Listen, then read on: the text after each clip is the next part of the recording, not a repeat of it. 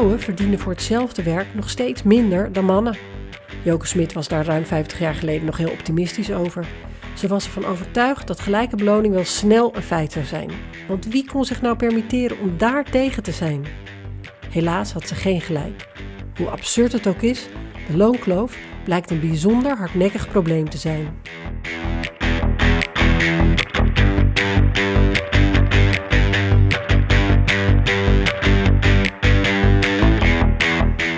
En dus verdienen vrouwen ook vandaag de dag nog steeds jaarlijks duizenden euro's minder dan hun mannelijke collega's. En als jij erachter komt dat jij minder betaald krijgt dan jouw collega, moet je nu nog zelf het gevecht aangaan. Daar komt gelukkig verandering in. Want zowel in Nederland als in Brussel is er wetgeving in de maak die het het probleem van de werkgever maakt in plaats van jouw probleem. Maar waarom is het zonder wetgeving niet gelukt om dit op te lossen? En wat kan je in afwachting van een wet zelf doen? Welkom bij de podcast Omdat ik het verdien. Mijn naam is Julia Wouters en in deze podcast ga ik in samenwerking met Agnes Jongerius en Vera Tax op zoek naar de antwoorden en praktische tips. Omdat ik het verdien en omdat jij het verdient.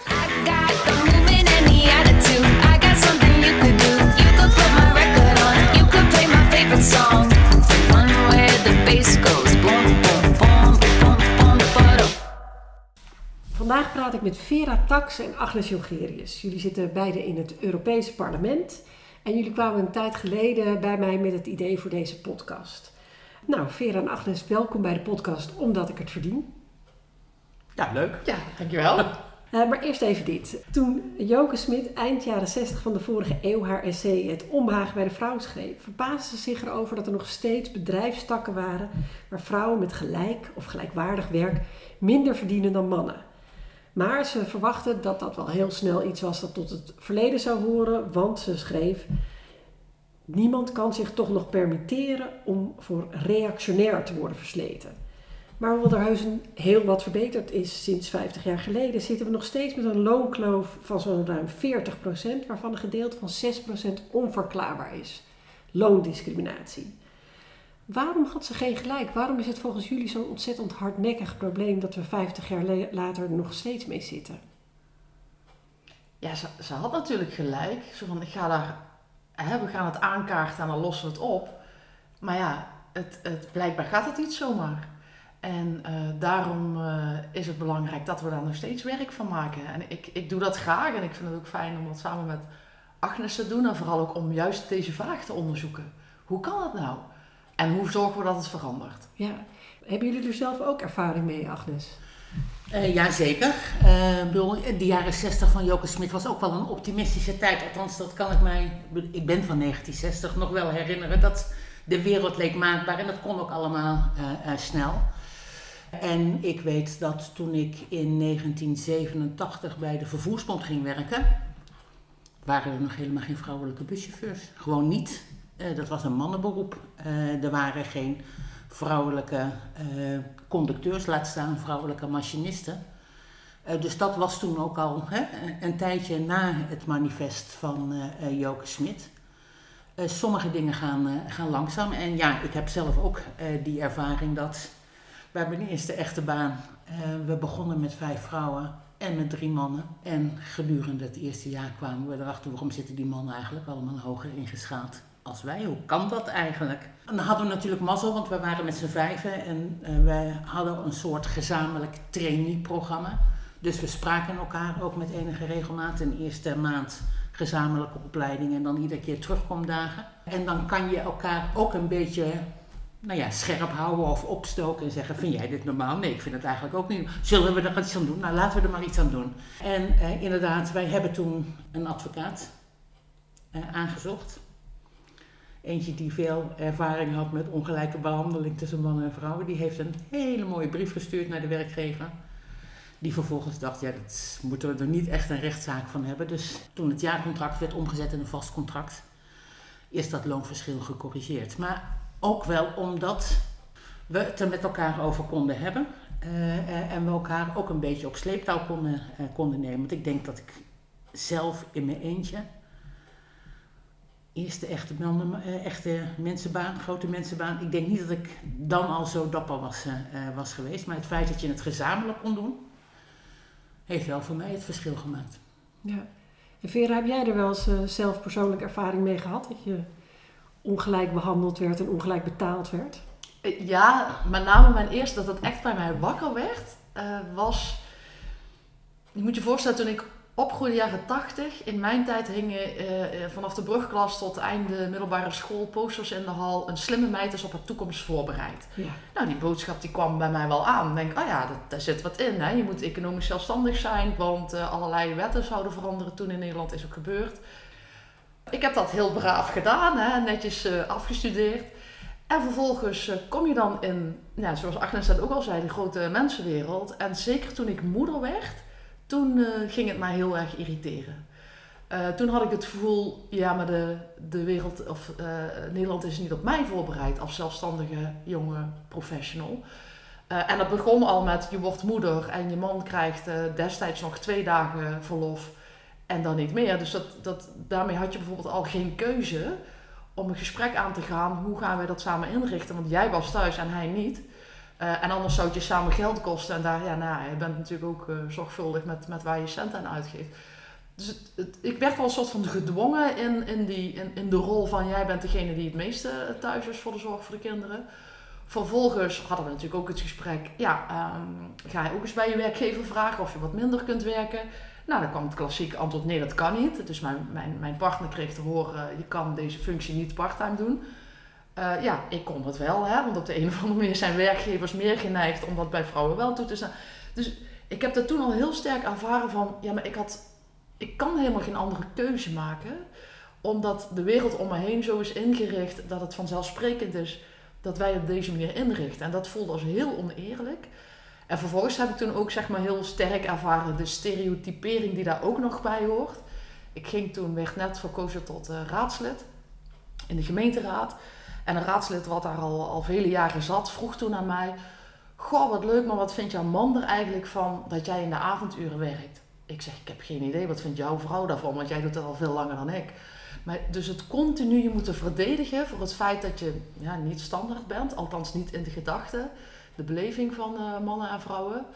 En dat vond ik ook zo oneerlijk, dat ik mij altijd moest uitleggen op de een of andere manier. En toen denk ik, ja, als iets oneerlijk is, dan wil ik dat veranderen. Dus nou ja, daarom. Nou, dat herken ik heel erg. Daar heb ik ook heel erg last van. Je beschrijft eigenlijk heel erg mooi al die verschillende manieren waarop je een bepaalde richting op geduwd wordt. Die we vaak zien als vrije keuze van vrouwen. Dat vrouwen er nou eenmaal voor kiezen om. Ehm, en dat zijn de dingen die verklaren waarom er zo'n groot verschil is tussen wat mannen en vrouwen verdienen. Maar er is ook dat gedeelte van de loonkloof eh, waarin ehm, al dat soort verklaringen uit de rekensom weggehaald zijn. En waar het gaat om die gemiddeld 6%, waarin man en vrouw voor precies hetzelfde werk nog steeds minder verdienen dan hun mannelijke collega. Heb je da- da- dat ooit ervaren? Dat je het gevoel had dat je hetzelfde werk deed en zoals de prachtige brievenschrijvers die we in vorige afleveringen aan de orde hebben gehad, dat ze er echt achter kwamen dat ze voor precies hetzelfde werk gewoon beduidend minder betaald kregen. Heb jij zo'n ervaring ooit gehad? Niet die specifieke ervaring heb ik zelf niet. Ik denk omdat dat kwam, ik heb het nooit onderzocht, omdat ik er eigenlijk van uitging dat het zo was. Ik heb pas veel later gehoord over het bestaan van de loonkloof. Ehm, dus ik heb het nooit onderzocht of ik meer eh, eh, of gelijkwaardig verdiende aan mijn mannelijke collega's. En ik heb natuurlijk wel om loonsverhoging gevraagd. En daar heb ik eigenlijk twee keer een ervaring gekregen waar het antwoord gewoon was van mijn werkgever. En dat waren ook na mijn twee eerste banen. Dat er gezegd werd, ik vind ook dat jij meer verdient. Maar ik denk, je bent sowieso te slim voor deze functie, dus je gaat wel een keer. Dus tot die tijd blijf je gewoon verdienen wat je nu verdient. En dus ik kreeg een keiharde nee. Maar het heeft mij vervolgens wel geholpen om dan te denken, ja, maar dan zit ik hier niet op de juiste plek en dan ga ik. En toen ben ik wel meer gaan verdienen. Dus ik vind dat ook een beetje een rare ervaring, zeg maar. Je vraagt iets, je krijgt het niet. Maar het heeft me wel geholpen om eerder een stapje te nemen. En die stap heeft mij wel weer een loonsverhoging Het is wel een, hele, een geestige manier om nee te zeggen, die ik ook herken uit een van de voorvallen. We hadden een eh, vrouw die schreef een brief dat ze vertelde dat ze heel veel complimentjes kreeg. En dat was dan ook een manier om er omheen te gaan dat iemand loonsverhoging kreeg. Van, nou, wij waarderen je enorm, dus je mag niet meer zeuren, want je hebt al complimentjes gekregen.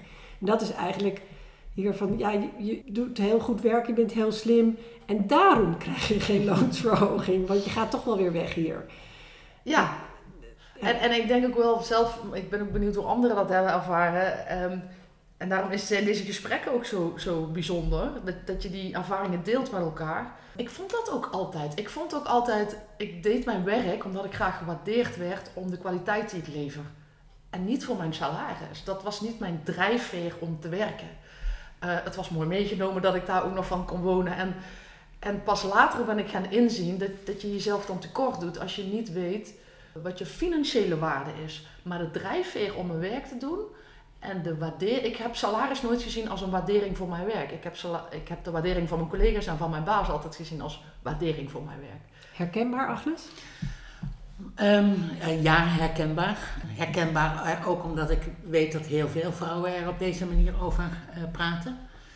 En ja, ik denk dat voor mij is het ook belangrijk of je het een beetje goed met je collega's kan vinden en of inderdaad op je werk gezien wordt wat je, wat je bijdraagt. Ik denk dat dat bijna een soort ja, zeg maar basisbehoefte zuurstof is voor, voor een leven. En misschien bij een vrouwenleven nog wel meer dan voor een, voor een mannenleven.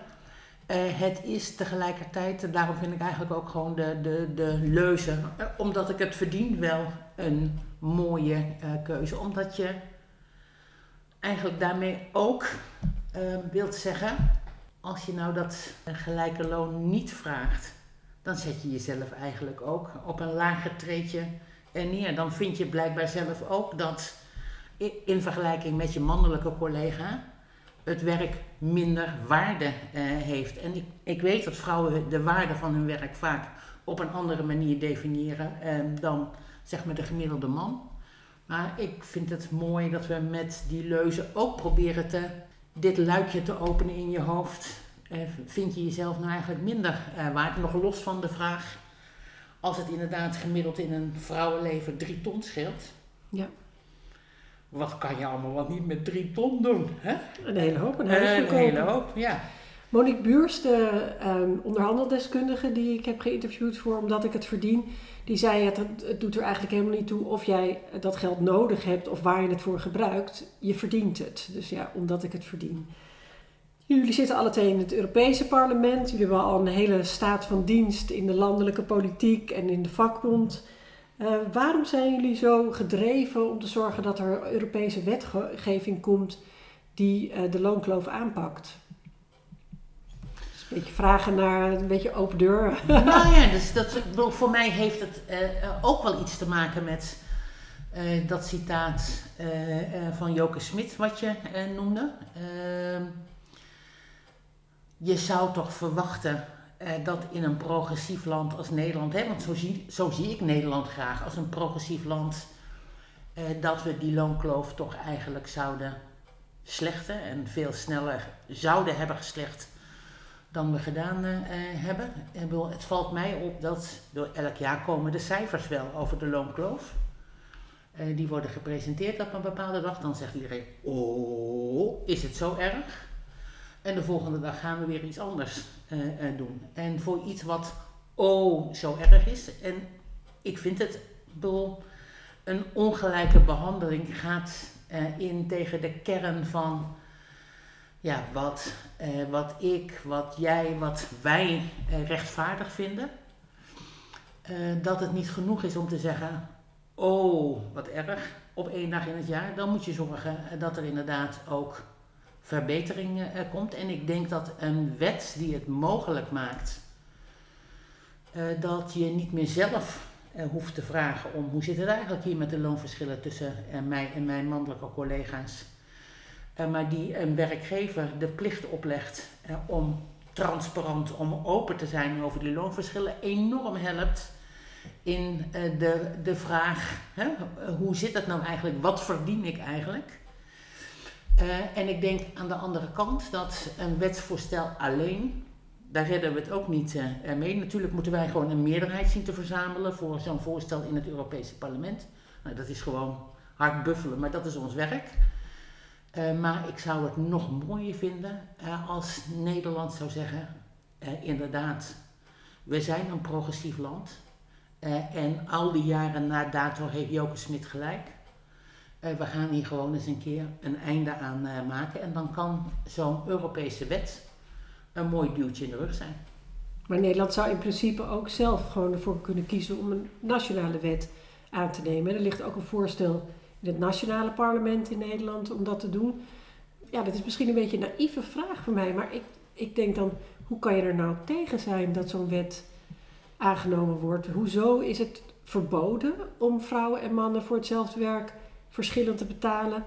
En gebeurt er toch nog steeds, en als we daar een wet voor nodig hebben, waarom wordt die dan niet aangenomen? Kan, kan jij dat voor mij verklaren, Vera? Uh, ja, nee, ik, ik, denk hetzelfde dan jij. Is sowieso de vraag van waarom strijd je hiervoor? Dat is eigenlijk meteen mijn antwoord, ja, waarom niet? We hebben, zoals wij hier zitten, in dit geval drie vrouwen, 24 uur in een dag. En mannen hebben die ook. En waarom zou mijn uur minder waard zijn dat, dat van iemand um, die niet vrouwelijk is? Dus dat is zeg maar, de, de, dat, dat wij moeten vechten tegen iets is, is al bizar. Ik vind dat bizar. Het feit dat je bedenkt, alles is maar bedacht. En hoe kan het nu dat bedacht is dat mijn uur per dag minder waard is dan van iemand anders die twee handen heeft en ook een hoofd. Dus dat, dat, dat blijft voor mij de context. Het is afschuwelijk dat het nog niet zo is. En dus moet het snel geregeld worden. En daar hebben we vooral heel veel power voor nodig van heel veel vrouwen. En dan valt mij op dat heel veel mensen het gewoon echt niet weten echt niet weten. Heel veel mannen weten het ook niet. Het is ook niet per se iets wat alleen vrouwen willen of een belang is van vrouwen. Het is natuurlijk een belang van mannen. Uh, want als jouw partner 300.000 euro misloopt op een mensenleven, uh, mis jij dat natuurlijk ook. En um, ja, waarom kun je er niet op tegen zijn? Ja, het kost natuurlijk veel geld. Het gaat geld kosten. Hoe dan ook gaat dit een overheid of werkgevers, of misschien wij wel als maatschappij, er moet wel ingeleverd worden dan. Want we kunnen um, ja, wat ik zeg, er moet wel eerlijker verdeeld worden. Dus dat betekent per definitie dat anderen moeten inleveren. En dat gaat nooit zonder slag of stoot. Heel mooi hoe je dat formuleert. Maar ik zit tegelijkertijd te denken, je kan dus zeggen dat vrouwen te weinig verdienen. Maar je kan het ook anders bekijken en dan zeggen dat mannen dus te veel verdienen. En dat er wat van mannen, wat mannen te veel verdienen, dus naar vrouwen toe zou moeten. Om het gelijk te maken. En dan heb je dus ook opeens een verliezer. Ja, je moet het eerlijk delen. En dat betekent per definitie dat iemand iets moet gaan inleveren. Uh, dat heb je ook gezien. Wel, welk land was het? Ik weet het even niet. Scandinavisch land. Daar was ook de oplossing van de overheid toen men bedongen had. Uh, Oké, vrouwen moeten meer verdienen. Dat de mannen moesten inleveren. En dat, uh, ja, dat, dat, dat, is natuurlijk niet fijn voor de andere helft van de bevolking. Ik heb er eigenlijk nog nooit zo over nagedacht. dit opent weer allemaal gedachten in mijn hoofd ik dacht steeds, ja, geld is onuitputtelijk, kom ik nu achter. En vrouwen moeten gewoon wat meer verdienen, maar het moet natuurlijk ergens vandaan komen. Dus dan snap ik ook wat meer uh, waar mensen er ook tegen zijn. Waarom is het toch de moeite waard, ook al zijn er dus winnaars en verliezers bij een eerlijke verdeling van lonen? Omdat, omdat het over iets heel basis, bazaals gaat. Uh, rechtvaardigheid, gelijke behandeling. En omdat het nou ja, en, misschien en natuurlijk zijn er verschillen uh, maar uh, alsjeblieft, in de kern is iedere mens uh, iets waard. Ja. en zou ieder mens ook in zijn waarde gelaten moeten worden. En verdient dus ieder mens het. en ik denk overigens ook dat als je kijkt naar waarom gaat iets traag, dan heeft dat vaak te maken met het feit dat we ons wel tijdelijk opwinden over iets maar niet permanent. Ik bedoel, eh, Vera noemde net uh, in het begin eh, dat haar man destijds twee dagen verlof kreeg. Eén dag voor de bevalling en één dag voor het... voor de koffie op te ruimen. Voor de koffie op te nou, En naar het gemeentehuis te gaan om oh, het kind aan te geven. Ja, dat is de officiële reden. Dat is de officiële reden. En, en dat is pas noten bij de benen afgelopen jaar veranderd. Ja. Terwijl het slaat natuurlijk nergens op dat je maar twee dagen uh, uh, hebt. Ik bedoel, dat, dat sloeg 10 of 15 of 20 jaar geleden ook al nergens uh, op. en daarom denk ik, wat we nodig hebben, ook om deze wetgeving erdoor te krijgen, is dat meer mensen zeggen, ja eigenlijk klopt er hier iets niet. en dat we dat op meer dan alleen maar de dag zeggen. Dat we die cijfers presenteren, maar ons uitspreken voor iedereen verdient het. Eh, omdat jij het verdient, maar ook omdat ik het verdien, eh, zijn we voor gelijke eh, eh, beloning. En ja, dat betekent herverdeling. Ik vind overigens ook dat werkgevers ook best kunnen schuiven, daar gaat het niet over. Eerlijk is eerlijk. Ehm, waarom zou je vrouwen lager in het loongebouw indelen dan mannen? Louter om het feit dat ze er niet om vragen? Nou, wat ik inmiddels heb geleerd van alle boeiende gesprekken bij het maken van deze podcast, is dat er eigenlijk heel weinig werkgevers zijn die vol overtuiging vrouwen minder geven dan mannen, maar dat het heel vaak is dat ze zich er helemaal niet realiseren dat ze het doen. En dat heeft natuurlijk ook te maken met wat jullie zeggen, dat mensen dan die ene dag per jaar even denken van, nou, het is toch wat. En dan zijn er wat mensen die zeggen, ja, maar vrouwen zijn ook minder ambitieus. En ja, het komt omdat vrouwen in deeltijd werken. En het komt omdat vrouwen niet onderhandelen. En dan zijn we weer terug Maar bij dan is het onderwerp weer af. Hè? Ja. Dan hebben we er één keer een talkshow over gevuld en dan eh, gaan we de volgende dag weer iets anders doen. Ja. Maar, maar dat is ook, het is inderdaad, ik geloof 75% van de werkgevers is ervan overtuigd dat het in hun bedrijf niet voorkomt. ja. En dan allerlei, dit soort mythes inderdaad. Dus, dus het is, daarom is het ook die bewustwording die zo belangrijk is, om daar toch eens kritisch naar te kijken. En het is natuurlijk ook best veel werk om in je bedrijf zo'n onderzoek te doen. Ik bedoel, je hebt al wel druk zat om je bedrijf eh, eh, ja, hè, aan de bal te blijven. Zeker ook in deze, in deze tijd nu, nu we COVID hebben. Dus ja, wat, wat is het voordeel van een bedrijf om zo'n onderzoek te doen? Eigenlijk weet je van tevoren, je denkt dat het niet zo is. En als het zo is, gaat het je waarschijnlijk geld of gezeur kosten. Dus ehm, er moet wel heel veel power zijn om jou ervan te overtuigen dat je het anders zou willen doen. En is dat ook de reden waarom jullie zo voor een wetgeving bent die mensen dat gewoon dwingt om daar transparant over te zijn en dat dus voor zichzelf maar eens te gaan onderzoeken of er loonverschil tussen mannen en vrouwen bij een werkgever in het bedrijf is? Ja, want als dingen niet uit zichzelf veranderen, dan is wetgeving relevant. Ja, zeker. Ja, en zeker, wel, er zijn van die rekensommen toch ook die zeggen hoe lang duurt het voordat we het, als we het op de natuurlijke manier proberen te bereiken, gaan, eh, gaan halen. Dan, dan zitten we niet 50 jaar na de uitspraak van Joke Smit, Maar 100 jaar. maar 100 jaar. Ja. Eh, en dat zou toch eigenlijk, bedoel, dat is toch eigenlijk ook doodzonde. Dat moet je niet willen. Nee, ik vind mijn dochters in ieder geval hetzelfde loon als hun mannelijke collega. Ja, en ik zou het graag bereikt willen hebben voor, eh, nou ja, voor het einde van mijn leven, zou ik maar zeggen. Ja. Wat moet er gebeuren om te zorgen, want ook die wetgeving, hè, ik, ik, ik heb vooral verstand van het eh, Nederlands parlement en ik weet dat de vorige periode heeft Keklik Juzel al, al een initiatiefvoorstel neergelegd.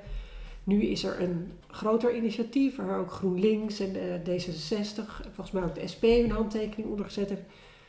Waarom duurt dat zo lang? Jullie weten er vast meer over op Europees niveau. Hoe komt het dat er dan zo'n initiatiefvoorstel ligt? En ook in Europa, ligt er iets voor. Zeg maar, eh, voor het Nederlands parlement, in het schrijven van een initiatiefvoorstel is gewoon echt een enorme puist aan eh, werk. Normaal eh, maakt eh, een minister of een staatssecretaris een wetsvoorstel, die heeft een hele batterij aan ambtenaren achter zich. En dan moet je dus als Kamerlid eh, eh, eh, zelf dat eh, eh, in elkaar eh, zetten. En dat moet wel kloppende wetgeving eh, zijn. Dus bedoel, het is iets anders dan het schrijven van een ingezonden stuk. Eh, bedoel, wetgeving is echt gewoon eh, werk. En dan heb je alle stappen die je moet, moet zetten. In Europa gaat de besluitvorming soms nog één slag ingewikkelder. Ja. omdat je de Europese Commissie hebt. Je hebt het Europese parlement waar Vera en ik in zitten. En daar moeten we dus de meerderheid zien te overtuigen. En er zijn ook mensen die zeggen, dit is een kwestie van privacy. Je mag helemaal niet over lonen eh, eh, praten. Wat ik zelf eerlijk gezegd onzin vind. Want in een gemiddelde CO staan gewoon de loonschalen in, eh, in vermeld. En ik zou niet weten waarom dat een doorbreking van de privacy rules is om die loonverschillen inzichtelijk te braken in het, in het bedrijf. Maar dus naast een meerderheid in het Europese parlement, en ik denk dat we die wel gaan krijgen, moet de Europese Commissie ook de landen meekrijgen, de Europese Raad eh, mee, eh, meekrijgen. En daar is ook niet elk land eh, even progressief wat daar aan tafel zit, de 27 landen. En mede daarom denk ik, we hebben dus een maatschappelijke vraag nodig. Want ja, wij zullen ons werk doen. En Lilianne Ploemen zal met haar collega's in de Kamer het werk ook doen. Maar willen we er eh, inderdaad snel een succes mee, eh, mee bereiken, dan is het wel mooi als meer mensen zeggen dat is echt een supergoed idee dat dat eh, gebeurt. Want ja, met maatschappelijke druk krijg je verandering. Ehm, met alleen maar politiek handwerk moet ook gebeuren, maar is denk ik net niet voldoende om het te bereiken. Is het niet eigenlijk heel raar dat het van parlementsleden moet afkomen in plaats van, van de commissie in Europa of de, het kabinet gewoon hier in Nederland? Het, het, komt ook, het staat ook in het werkprogramma van de Europese eh, Commissie. Sterker nog, we hebben een speciale commissaris, eh, mevrouw Dali, eh, die voor gelijke rechten en emancipatie is. Zij heeft in haar werkprogramma staan dat ze ergens in het najaar van 2020 het eerste voorstel van wet op tafel legt. Dus dan hebben we het Nederlandse voorstel op tafel liggen. Dan hebben we een Europees voorstel op tafel liggen. En, en dan kunnen we dus inderdaad de behandeling uh, in werking zetten. En dan, nou ja, met een beetje mazzel, inderdaad daar meerderheden voor, voor vinden. Dan moeten we, bedoel, zo simpel is het ook, bedoel, we moeten ook Viktor Orban overtuigen. en we moeten ook de Poolse regering overtuigen, die echt super conservatief zijn. Maar soms denk ik ook, als je gelijk hebt, moet je zorgen dat je het ook gaat krijgen. Heel mooi. Hey, Vera, als jij zou moeten, als we een weddenschap zouden afsluiten, wat denk je dan dat het kansrijkste is? Dat we het hier in Nederland uh, als eerste voor elkaar hebben, dat er wetgeving is die uh, de bewijslast bij de bedrijven legt in plaats van bij individuele vrouwen, of dat we toch meer kans hebben dat dat vanuit Europa komt. Want dat vaderschapsverlof, waar we het zo eer, eer even over hadden, dat is echt door Europa afgedwongen. Dat Nederland daar als vreselijke conservatieve lidstaat ook uh, ja, ik dacht ook uh, toen ik Europarlementariër werd dat ik uit een heel uh, progressief land kwam. Maar mij, ja, Europa is op dit opzicht, als het gaat over emancipatie en, en gelijkheid tussen mannen en vrouwen, veel progressiever dan, dan Nederland. Dan in ieder geval het huidige kabinet, laat ik het zo correct formuleren. Uh, dat is zeker zo. En ik moet zeggen, dat vind ik ook heel prettig. Ook Ursula van der Leyen als voorzitter, ze heeft ook echt geprobeerd om in ieder geval uh, even zoveel mannelijke als vrouwelijke commissarissen te krijgen. Dus daar, daar voel ik me heel prettig bij. Dat gaat heel goed. Uh, als je vraagt deze wetenschap, waar denk je eerder? Dan gok ik Nederland omdat ze gewoon al eerder begonnen zijn. En wat heel lastig is in Europa, Agnes heeft het net al uitgelegd. En veel mensen weten dat gewoon niet. Je moet met drie gremia akkoord hebben op wetgeving. En met name de Europese Raad, dus alle, alle regeringsleiders, die liggen daar nogal dwars. En als er één dwars ligt, uh, Nederland heeft bijvoorbeeld dwars gelegen als het ging over het uh, ouderschapsverlof, uh, ja, dan wordt het moeilijk om, om stappen te zetten. Dus ik gok op Nederland. Oké, en het maakt natuurlijk niet zoveel uit voor ons Nederlandse vrouwen waar de wetgeving vandaan komt die het afdwingt. Uh, als het er maar komt. Maar voor alle vrouwen in Europa zou het natuurlijk wel fijn zijn als er ook uh, goede Zeker, maar ik denk dat voor alle vrouwen in Europa gaat het ook helpen als we kunnen zeggen, kijk, Nederland heeft ook al zulke wetgeving. Er zijn al landen die het uh, hebben in Europa. Maar hoe meer, en meer schapen er over de dam zijn, ja. hoe groter de kans ook wordt dat we het Europese schaap over de dam kunnen, kunnen krijgen. En ik hoor ook wel langs de binnenlijnen dat er in, uh, in Den Haag gezegd wordt, als we het straks toch van Europa moeten, ja. laten we dan maar gewoon zelf de stappen naar voren zetten. Dan kunnen we daar tenminste ook nog een beetje mee shinen. Ja, een beetje met opgeheven hoofd, trots, het als een eigen ja. overwinning claimen. Um, misschien tenslotte kunnen jullie nog een beetje uitleggen wat verandert er voor mij? Stel je voor, ik kom erachter dat mijn collega die precies hetzelfde werk doet, meer verdient voor hetzelfde werk als ik. Wat verandert er voor mij als er wetgeving is? Um, volgens mij dit, uh, dat het nu een kwestie is uh, van heb je dat gesprek met je vrouwelijke collega's en je mannelijke collega's, is iedereen eerlijk en legt hij zijn uh, papieren op tafel, zijn loonstrookjes, of niet? En dat vinden veel mensen een ingewikkeld gesprek. Uh, geld, daar zit toch een, een, een mate van uh, taboe omheen. Liliane Ploemen zei zelf, mensen praten makkelijker over hun seksleven dan over wat ze verdienen. Nou ja, dat zou, dat zou ik nou zelf niet, maar ik denk dat dat wel klopt, inderdaad. En wat er dus verandert, is dat we nu aan de bedrijfsleiding vragen, breng het maar in beeld. tussen, wat betaal je uit aan je mannelijke werknemers, wat betaal je uit aan je vrouwelijke werknemers vergelijkende functies. Uh, uh, zodat je de hele uh, set aan gegevens op tafel hebt, hebt liggen. Het maakt dat de ondernemingsraad er werk van kan gaan maken. Eh, want die eh, kunnen dan ook meekijken in de, eh, in de cijfers.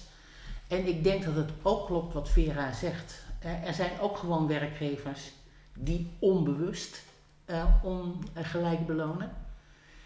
Eh, en ehm, we kennen ook voorbeelden eh, Ja. van bijvoorbeeld eh, de APG, de grote pensioenuitvoerder, hebben het in beeld gebracht. Maken wij verschil? Het zal toch niet zo wezen? Blijkt het wel te zijn. En dan kunnen ze het gaan corrigeren.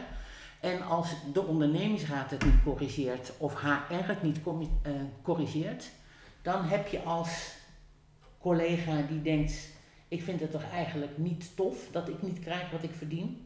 De gegevens in handen waarmee je bij eh, personeelszaken kan gaan aankloppen eh, en zeggen: Kunnen we dit alsjeblieft even corrigeren? Eh, dus het maakt het eigenlijk het gesprek makkelijker. En je mag hopen dat juist bedrijven die eigenlijk zeggen: Ik zou niet ongelijk willen betalen, met het in beeld brengen van de loonverschillen ook de correctie gaan uitvoeren. Nou, dat zal een hele grote winst zijn, maar inderdaad, dat zeiden jullie zelf ook al eerder, dan ben je er nog niet helemaal. Ik, ik, ik moet even een citaat bij jullie voorleggen. We hebben een enquête gehouden, hè, onder mensen gevraagd om over hun ervaringen ja, informatie met ons te delen. En eh één vrouw formuleerde het zo. Eerst werd het loonverschil goed gepraat, want ja, straks krijg je kinderen en dan heb ik niets meer aan je. Toen had ik kinderen en toen was het dat mijn aandacht eerdaags echt wat, wel afgeleid zou worden. Toen dat vier dagen werken niet genoeg was. Toen verdiende ik niet te weinig. Nee, mijn collega verdiende te veel. Enzovoort. Zolang discriminatie wordt toegestaan, is dit niet op te lossen. En ik vond dat wel een hele treffende formulering. Want inderdaad, je wapens die je in handen hebt worden met zo'n wet natuurlijk heel veel sterker. Maar als werkgevers altijd dit soort rare verklaringen blijven geven, waar jullie zelf natuurlijk ook al voorbeelden had, dan wordt het nog steeds moeilijk. Dus we zijn er niet met wetgeving, maar het is wel, zoals ik jullie zo hoor, kan ik concluderen, een hele waardevolle toevoeging. Dat je in ieder geval weet waar je aan toe bent en met meer wapens in handen staat als je wil eh, vechten voor wat je verdient. Ja, en ik denk vooral ook niet alleen meer bent. Want dit is een, een hè, wat je net vertelt, is een anekdote van iemand die dat alleen aanvaardt in haar gesprek met de werkgever. Maar als het transparant is, kun je dat gesprek hebben met de hoeveelheid andere mannen en vrouwen. Want heel veel mannen vinden het natuurlijk ook gewoon oneerlijk. Ja, En eh, ja, zelf vind ik nog wel een mooi voorbeeld. Het was laatst, zag ik dat voorbij komen, dat, eh, waar eh Oprah Winfrey vertelt dat zij voor haar eerste loonsverhoging ging. En dat ze dus erachter kwam dat haar mannelijke collega veel meer verdiende dan zij. En ehm, toen werd ook gezegd van ja, maar jij hebt nog geen, geen gezin. Je hebt geen, het gaat er niet om, jij hebt ook maar 24 uur in een dag. En waarom zou jouw uur minder waard zijn? Want vaak gaan vrouwen dan luisteren en denken: Oh ja, nee, klopt wel. Ja, zwanger, ja, misschien. Ik weet ook niet hoe dat precies. Doet er niet toe, je hebt ook maar 24 uur. En je baart nog een kind, wat een zeer grote toegevoegde waarde is aan onze maatschappij. Eigenlijk zou je meer betaald moeten krijgen. vandaar ook de titel van deze podcast, Omdat ik het verdien. Heel hartelijk bedankt voor dit gesprek.